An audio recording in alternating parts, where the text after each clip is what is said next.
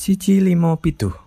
Eh, eh, eh, podcast ternyata nih. Halo teman-teman, selamat datang kembali di podcast Ternyata. Kembali lagi bersama aku Aisyah. Gimana nih kabarnya teman-teman? Semoga tetap sehat dan bahagia selalu ya. Tidak terasa kita sekarang sudah mulai memasuki minggu-minggu ujian akhir semester ganjil 2021 nih.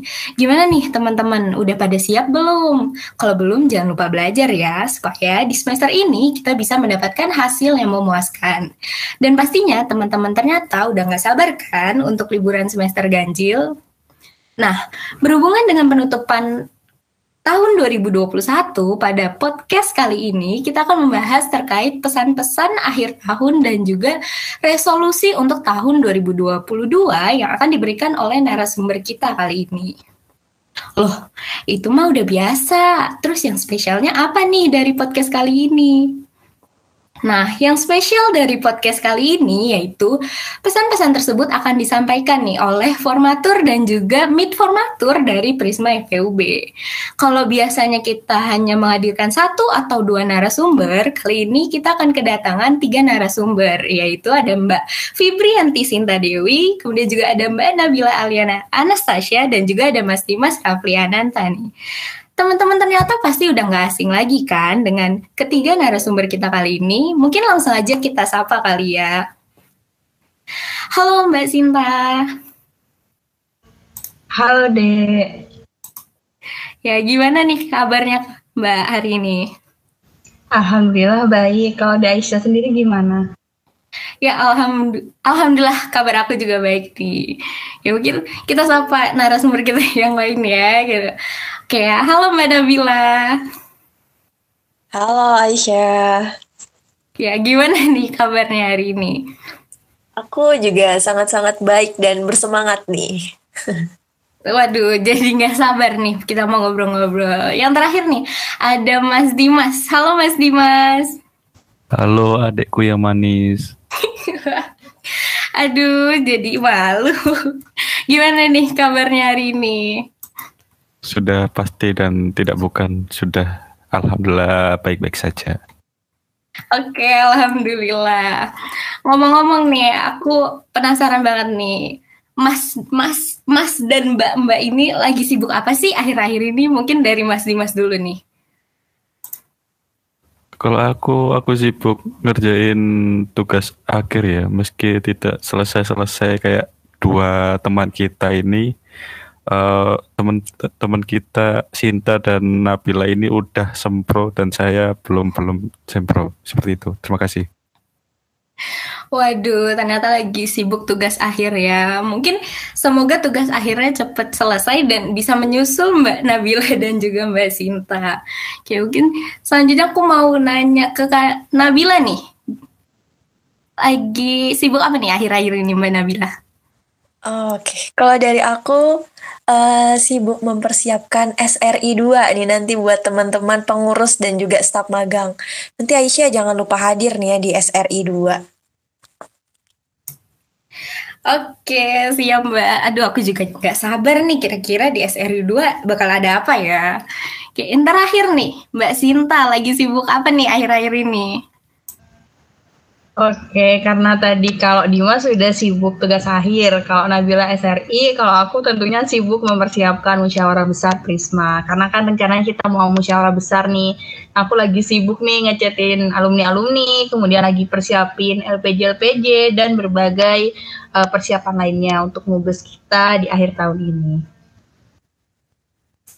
Waduh, benar banget nih. Ternyata sebentar lagi nggak kerasa ya kita mau Mubes 2021. Oke, mungkin uh, untuk mbak-mbak dan masnya semoga semua kegiatannya dilancarkan ya. Mungkin langsung aja nih kita akan diskusi bareng terkait pesan-pesan untuk akhir tahun ini dan juga resolusi untuk tahun 2022 mendatang. Pastinya teman-teman ternyata udah pada nggak sabar kan buat dengerinnya.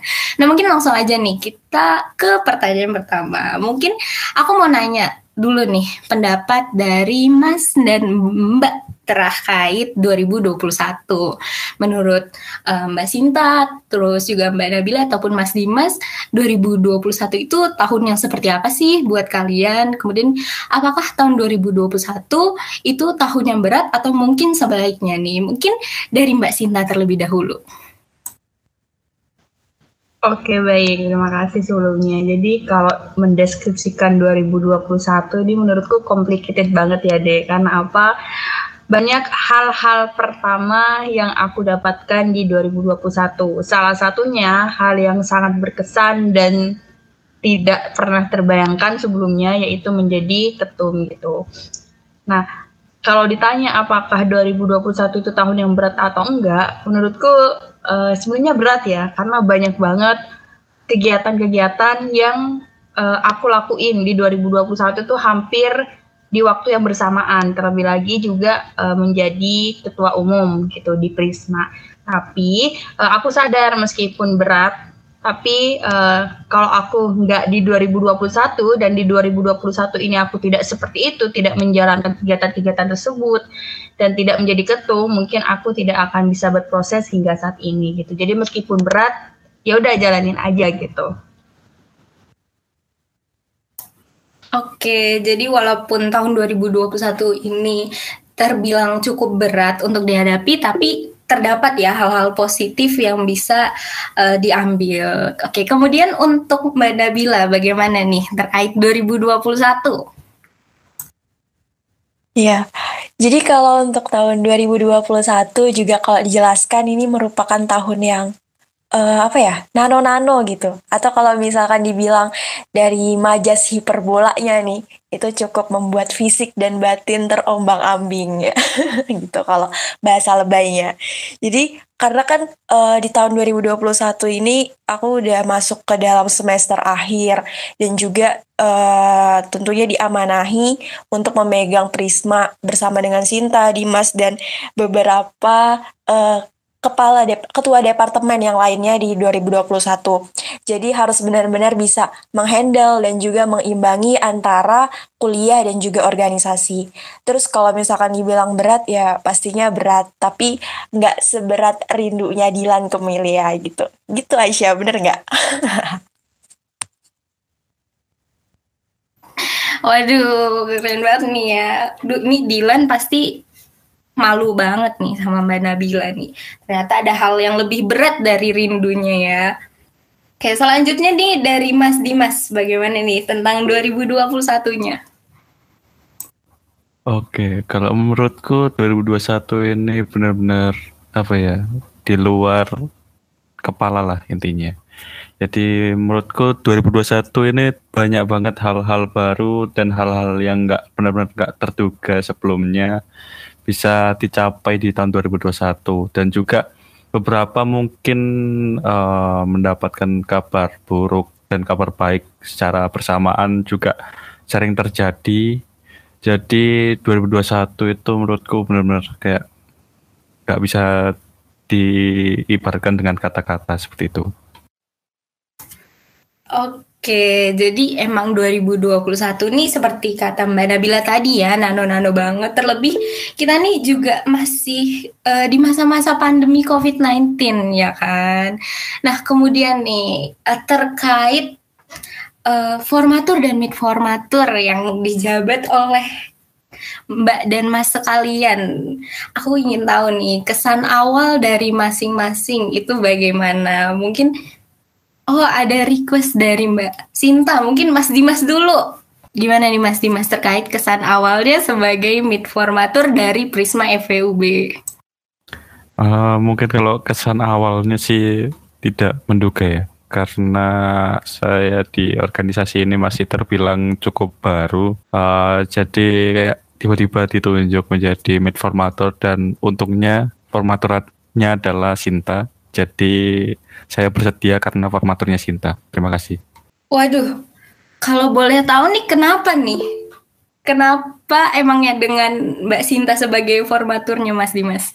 Nggak tahu ya, mungkin karena ada sedikit sedikit apa ya kayak kepercayaan yang kayak wah gitu loh ke Sinta. Jadi dia uh, menurutku adalah pemimpin yang cukup tegas dan cukup baik. Jadi kayak Sinta adalah sosok yang mungkin bisa jadi suri tauladan bagi masyarakat sekitar. Terima kasih.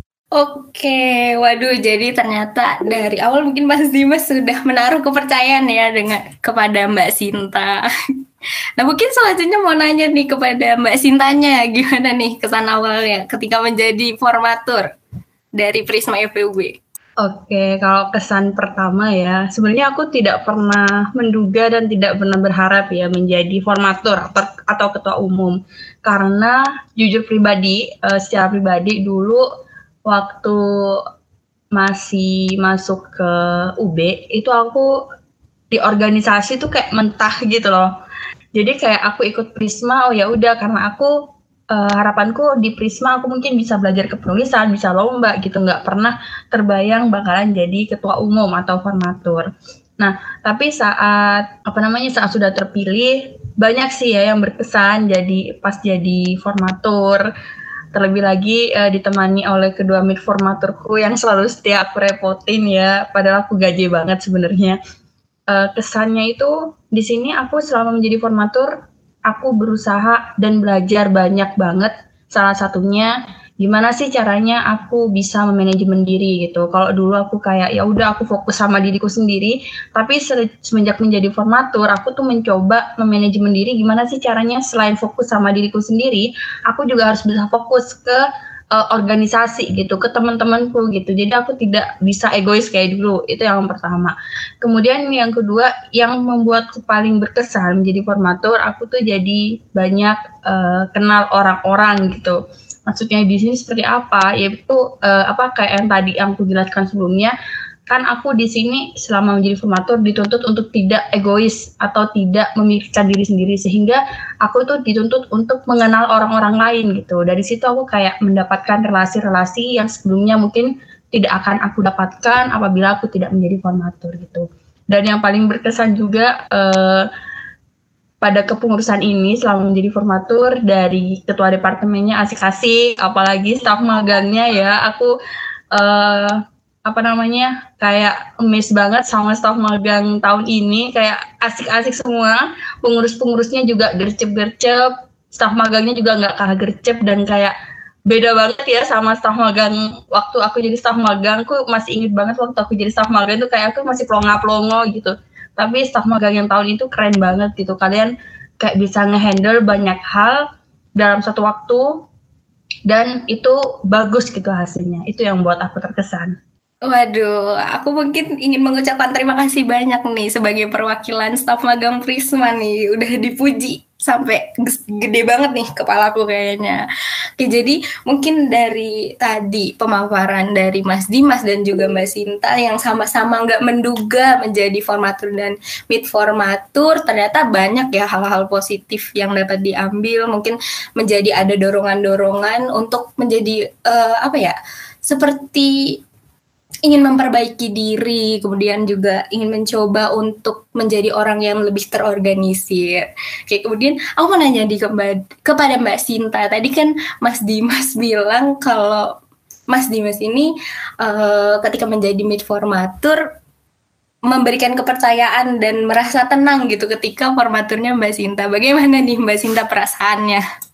Oke, perasaannya sebelumnya terima kasih banget ke Dimas karena sudah mempercayai aku gitu. Karena uh, tadi Dimas bilang karena aku adalah salah satu alasannya kenapa dia mau jadi formatur kayak gitu.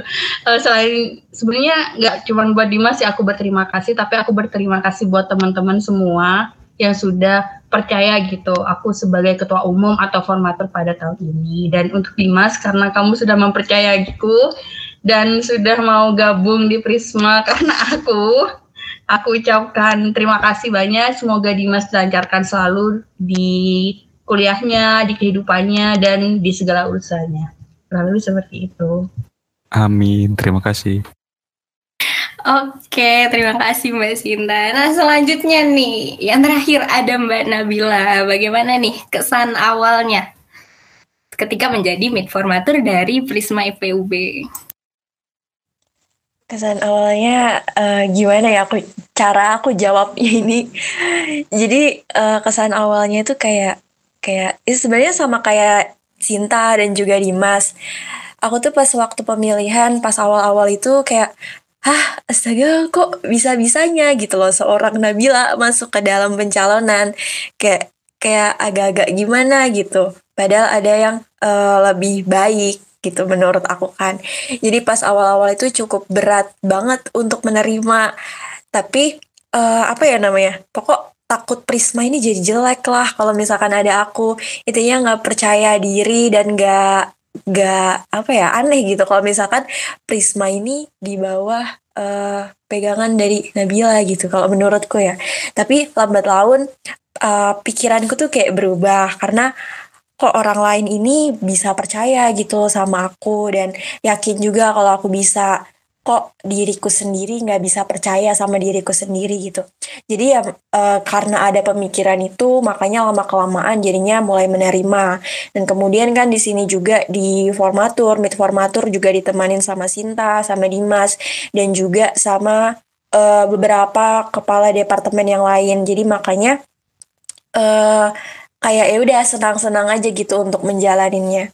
Terus untuk kesan-kesan sampai saat ini ya semoga aja apa ya namanya tetap berjalan lancar gitu sampai dengan akhir.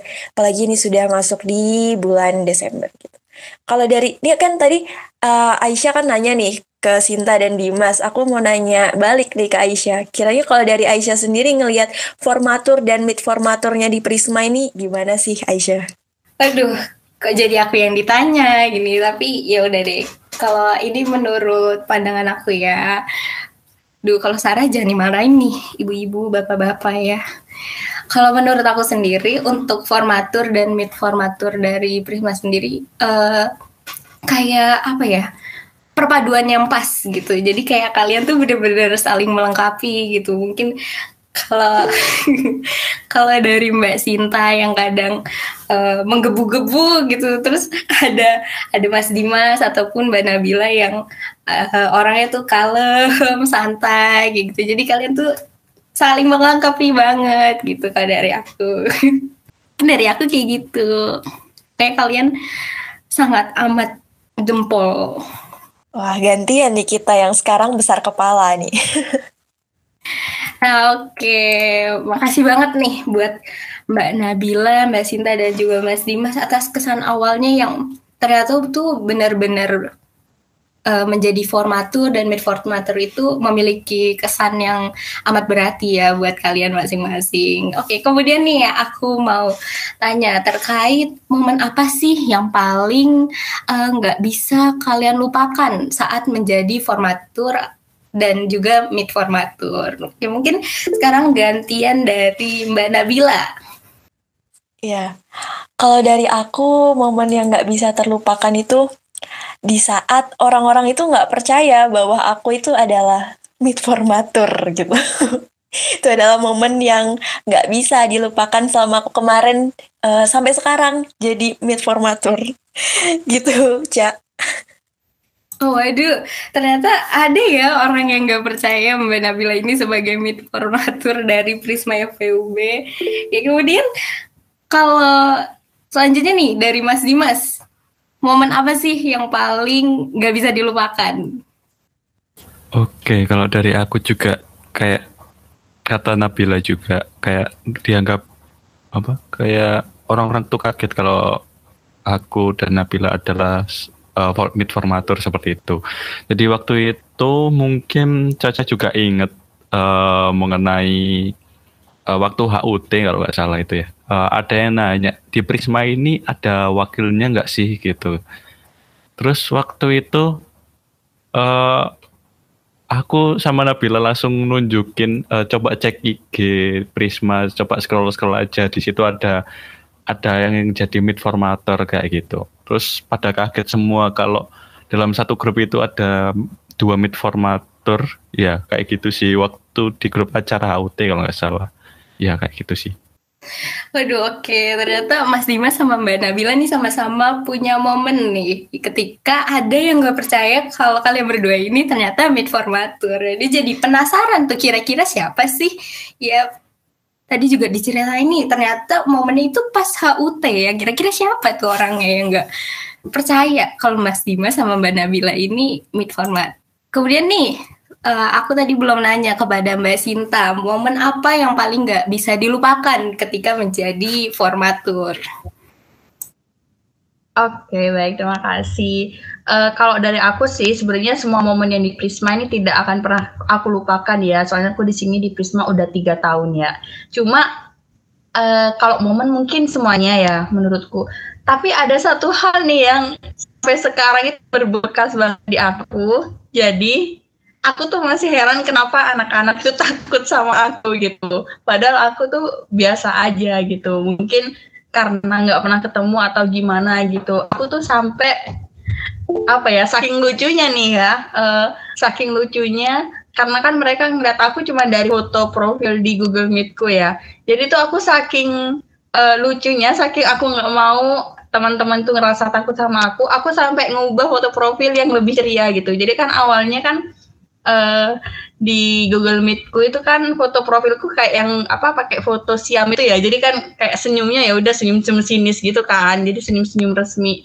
Nah, karena aku tidak ingin aku dicap seperti itu dan aku ingin lebih dekat lagi dengan teman-teman di Risma, akhirnya aku ubah ke foto yang lebih sumringah gitu. Tapi kayaknya tetap aja deh, aku tuh bingung sampai sekarang itu kenapa gitu. Tapi uh, pesanku ke teman-teman nggak usah takut ya nanti kalau mau ketemu aku karena aku orangnya sebenarnya asik ya suka belak-belakan juga, suka ketawa juga. Jadi ya udah biasa aja gitu. Oke, waduh ternyata untuk momen-momen yang uh, menurut Mbak Sinta nggak bisa dilupain tuh ternyata banyak banget ya. Terlebih kan udah lama juga di Prisma. Kemudian ternyata ada yang paling membekas nih. Ternyata banyak mungkin dari di antaranya anak-anak Prisma terlebih internalnya yang takut. Tuh kira-kira kenapa ya mereka takut padahal Mbak Sinta nih kan baik banget gitu loh. Senyumnya juga cantik banget ya kan. Oke, mungkin uh, kita lanjut nih ke pertanyaan selanjutnya. Nah kira-kira nih ada nggak sih hal yang uh, menurut kalian tuh seperti nggak pernah kalian sangka-sangka akan kalian alami saat menjadi formatur dan mid formatur gitu. Mungkin uh, dari siapa dulu ya kira-kira? Um, dari Mas Dimas dulu mungkin. Gimana nih Mas Dimas? Ada nggak sih hal uh, atau kejadian atau momen apa yang sekiranya nggak pernah kalian uh, kira akan kejadian gitu di kalian uh, ketika menjadi formatur ataupun mid formatur? Uh, kalau itu mungkin uh, aku nggak ngira kalau bakal mungkin banyak sekali kayak eh, acara-acara uh, yang benar-benar bisa kita buat dengan baik gitu di dalam organisasi.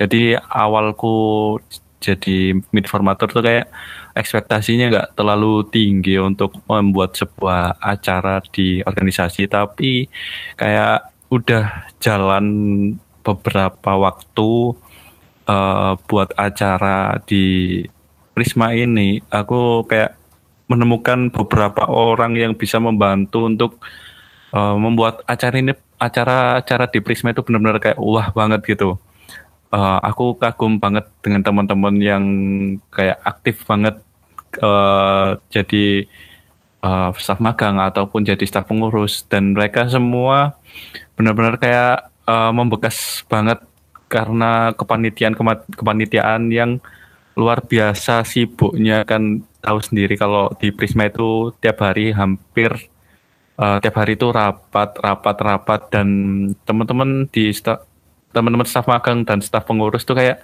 tetap uh, menjalani dengan semangat dan senyuman kayak gitu. Dan itu benar-benar membuatku kayak eh, nggak uh, berekspektasi sebelumnya. Jadi kayak hal-hal kecil seperti itu membuatku kayak wah kayak teman-teman nih uh, perlu diapresiasi sangat dan uh, mungkin aku bisa mengucapkan terima kasih sebesar-besarnya ke teman-teman semua. Mungkin itu sih dari aku. Oke, aku juga setuju banget nih seperti yang Mas Dimas bilang, proker-prokernya Prisma tuh emang keren-keren banget ya. Jadi buat teman-teman ternyata yang penasaran nih keseruan apa aja sih yang bisa kita lakuin di Prisma, buruan join ke Prisma. Ikutin terus proker-prokernya dengan aktif. Oke. Nah, selanjutnya mungkin aku mau nanya ke Mbak Sinta nih. Gimana nih hal-hal yang sekiranya nggak pernah disangka-sangka tapi akhirnya dialami gitu. Oke, hal yang paling sebenarnya nyampe sekarang sih, aku tuh dulu tuh tipikal orang yang jarang bukan jarang sih, ya nggak sesering sekarang, jarang ngasih nomor baru ke orang dan jarang banget ada orang baru itu ngechat gitu. Dan semenjak aku jadi formatur tuh dari awal kayak awalnya kaget gitu. Ini orang tiba-tiba dapat nomorku dari mana nih? Tiba-tiba tuh banyak yang ngechat gitu ngirim-ngirim undangan gitu.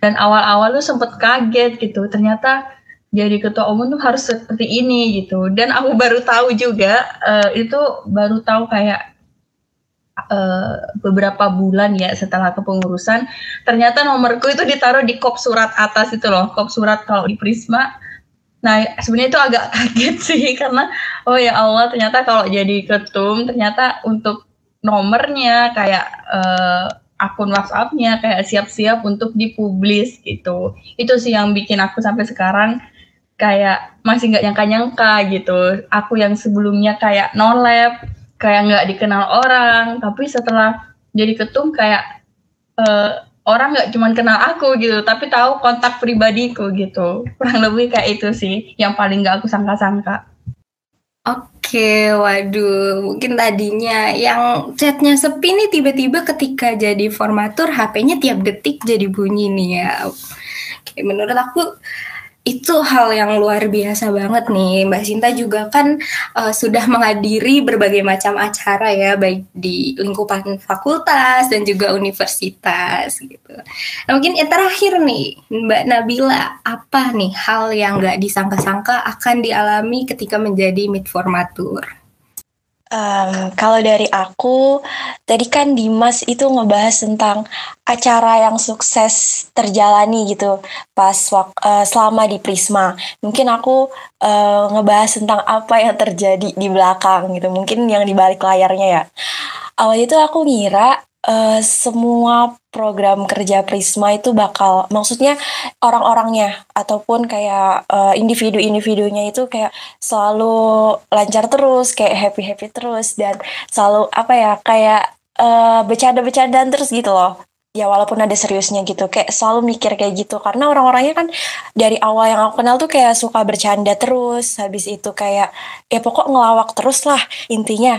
Nah Abis itu ternyata pas sampai uh, pertengahan pengurusan terus sampai akhir tuh ada beberapa kejadian yang kayak semacam miskomunikasi, perbedaan pendapat, bahkan kayak sampai misu-misuhan gitu loh bahasanya. Jadi aku kayak kaget, kayak gak nyangka ternyata uh, kalau misalkan di dalam organisasi itu maksudnya kalau kita menjadi bagian pentingnya kita harus uh, ngelihat uh, sisi lain dari orang-orang gitu loh. Jadi kayak kaget aja gitu. Jadi uh, jadi kayak kita tuh nggak mengenal dari depannya aja kan biasanya kalau cuma staf magang, staf pengurus biasanya kan cuma uh, memegang proker kita aja kan. Sedangkan kalau misalkan kita menjadi uh, bagian pentingnya itu uh, memegang semuanya gitu. Jadi kayak kenal banget dari depan belakang. Jadi kayak oh tahu ternyata gini. Jadi uh, lama kelamaan jadinya kayak udah uh, memaklumi gitu.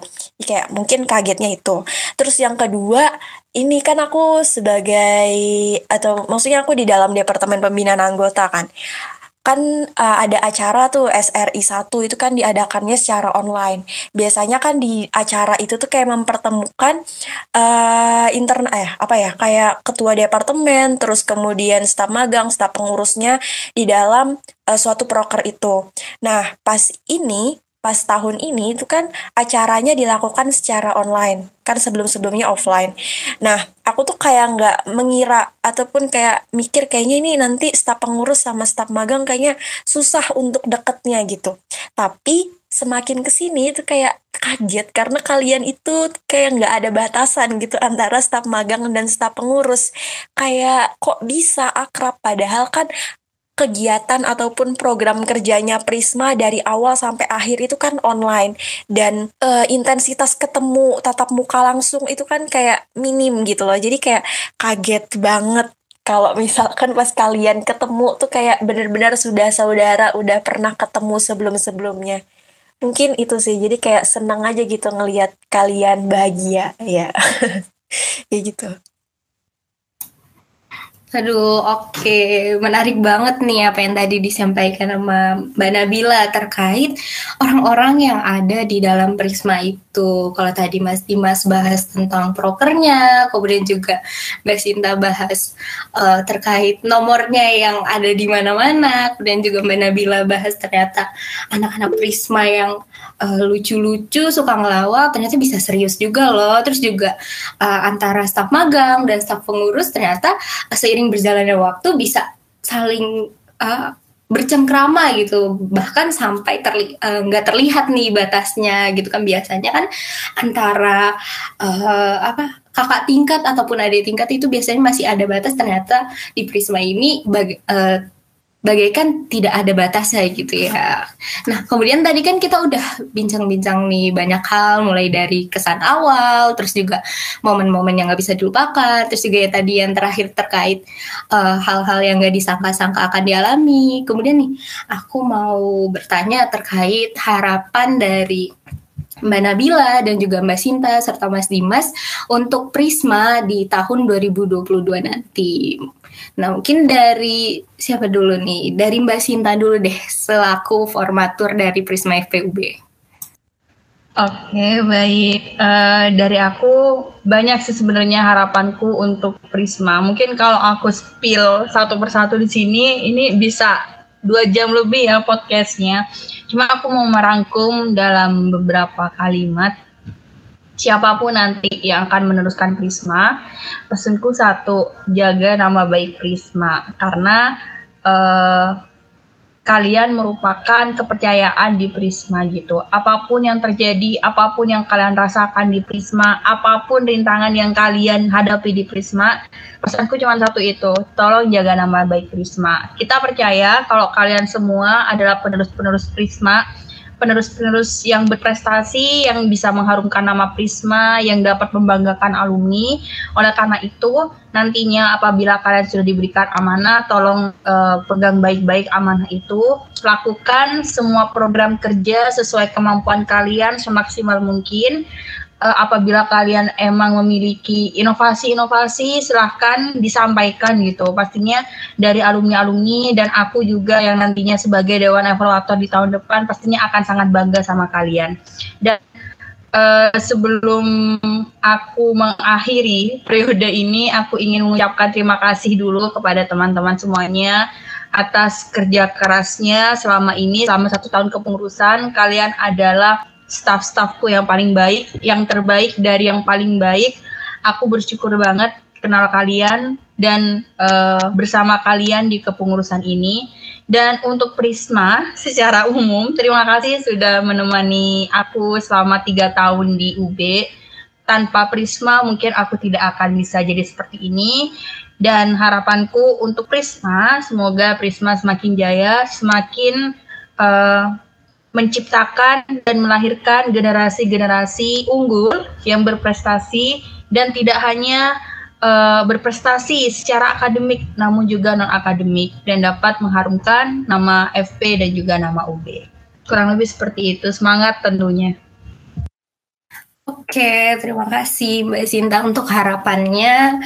Uh, semoga juga uh, teman-teman pengurus Prisma tahun 2022 dapat mewujudkan harapan-harapan yang tadi telah disebutkan. Oke, selanjutnya uh, dari Mbak Nabila dulu nih. Sabar dulu ya Mas Dimas, ladies first, oke? Okay?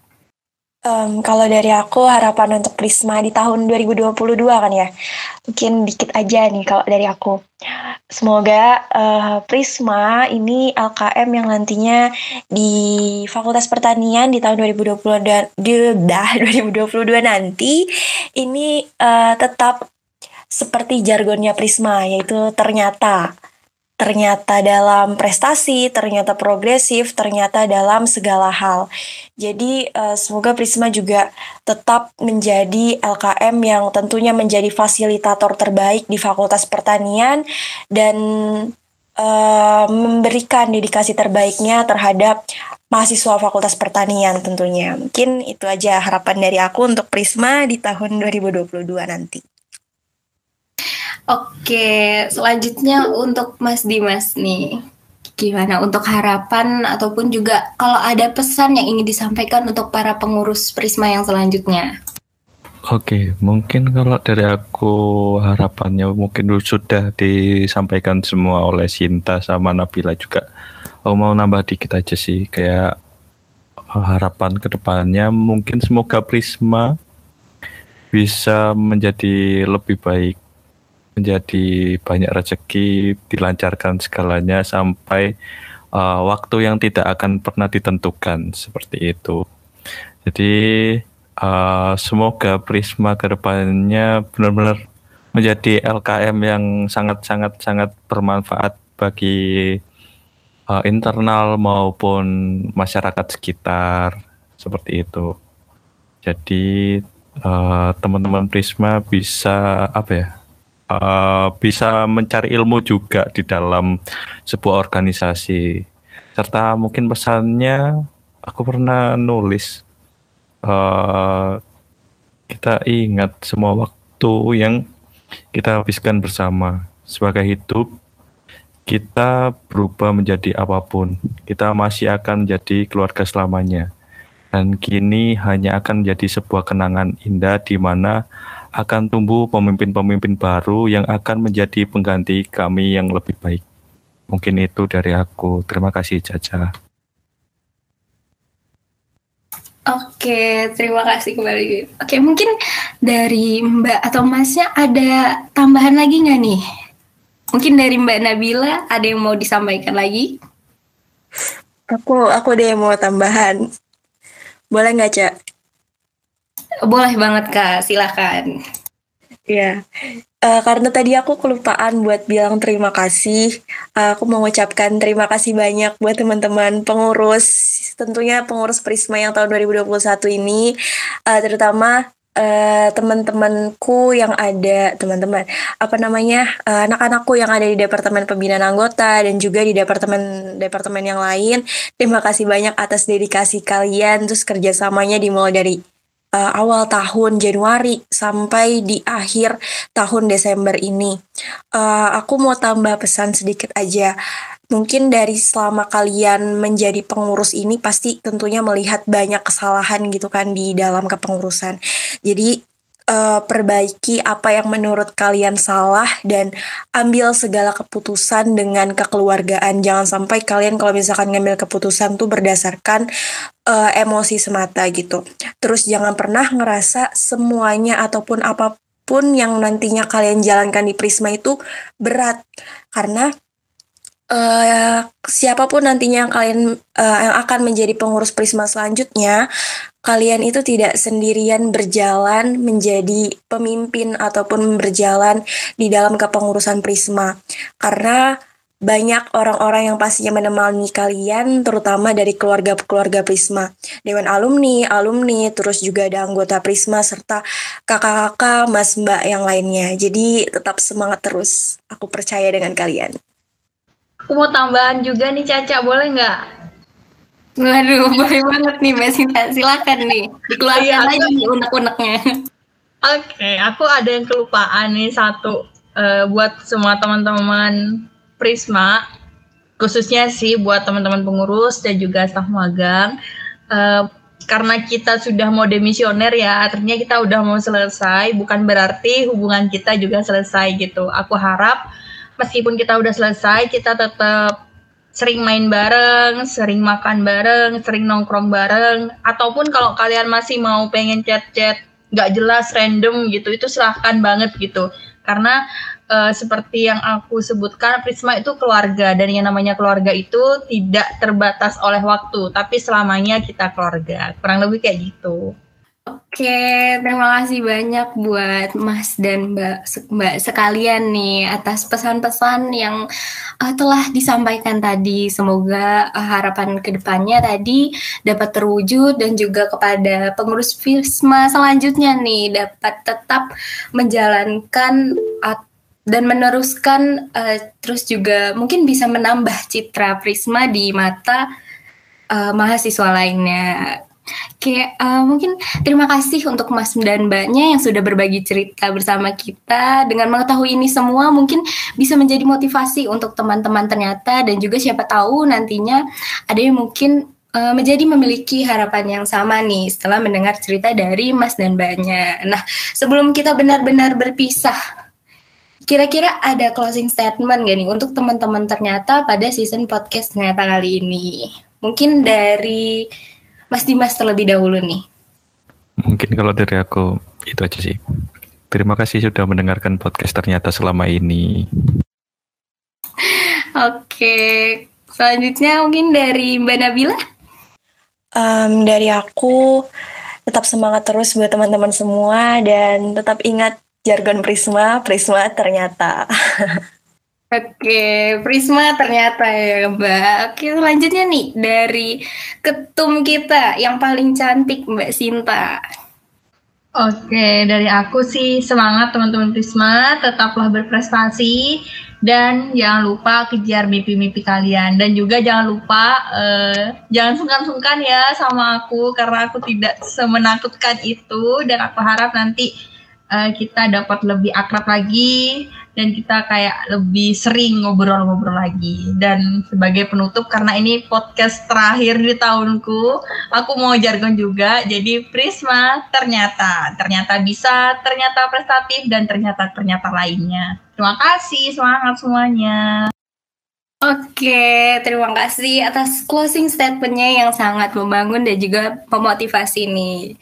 Nah, oke teman-teman, itu dia tadi bincang kita dengan uh, para formatur dan juga mid formatur dari Prisma FPUB yang sangat menarik. Nah, nggak kerasa nih, waktu berlalu cepat banget ya. Mungkin karena kita udah bincang-bincang topik yang sangat menarik gitu. Nah, terima kasih banyak aku ucapkan buat uh, narasumber kita yang luar biasa. Semoga sehat selalu dan senantiasa diberi kelancaran dalam berbagai urusannya. Nah, aku juga mau mengucapkan nih, terima kasih buat teman-teman ternyata yang sudah mendengarkan podcast ternyata sampai episode kali ini. Nah, eh, nggak kerasa juga ini merupakan podcast ternyata terakhir di tahun 2021. Nah, akhir kata aku ucapkan uh, saya Aisyah pamit undur diri. Jangan lupa untuk mendengarkan podcast ternyata episode selanjutnya mungkin di tahun 2022 yang akan datang. Tetap semangat dan jangan lupa jaga kesehatan ya.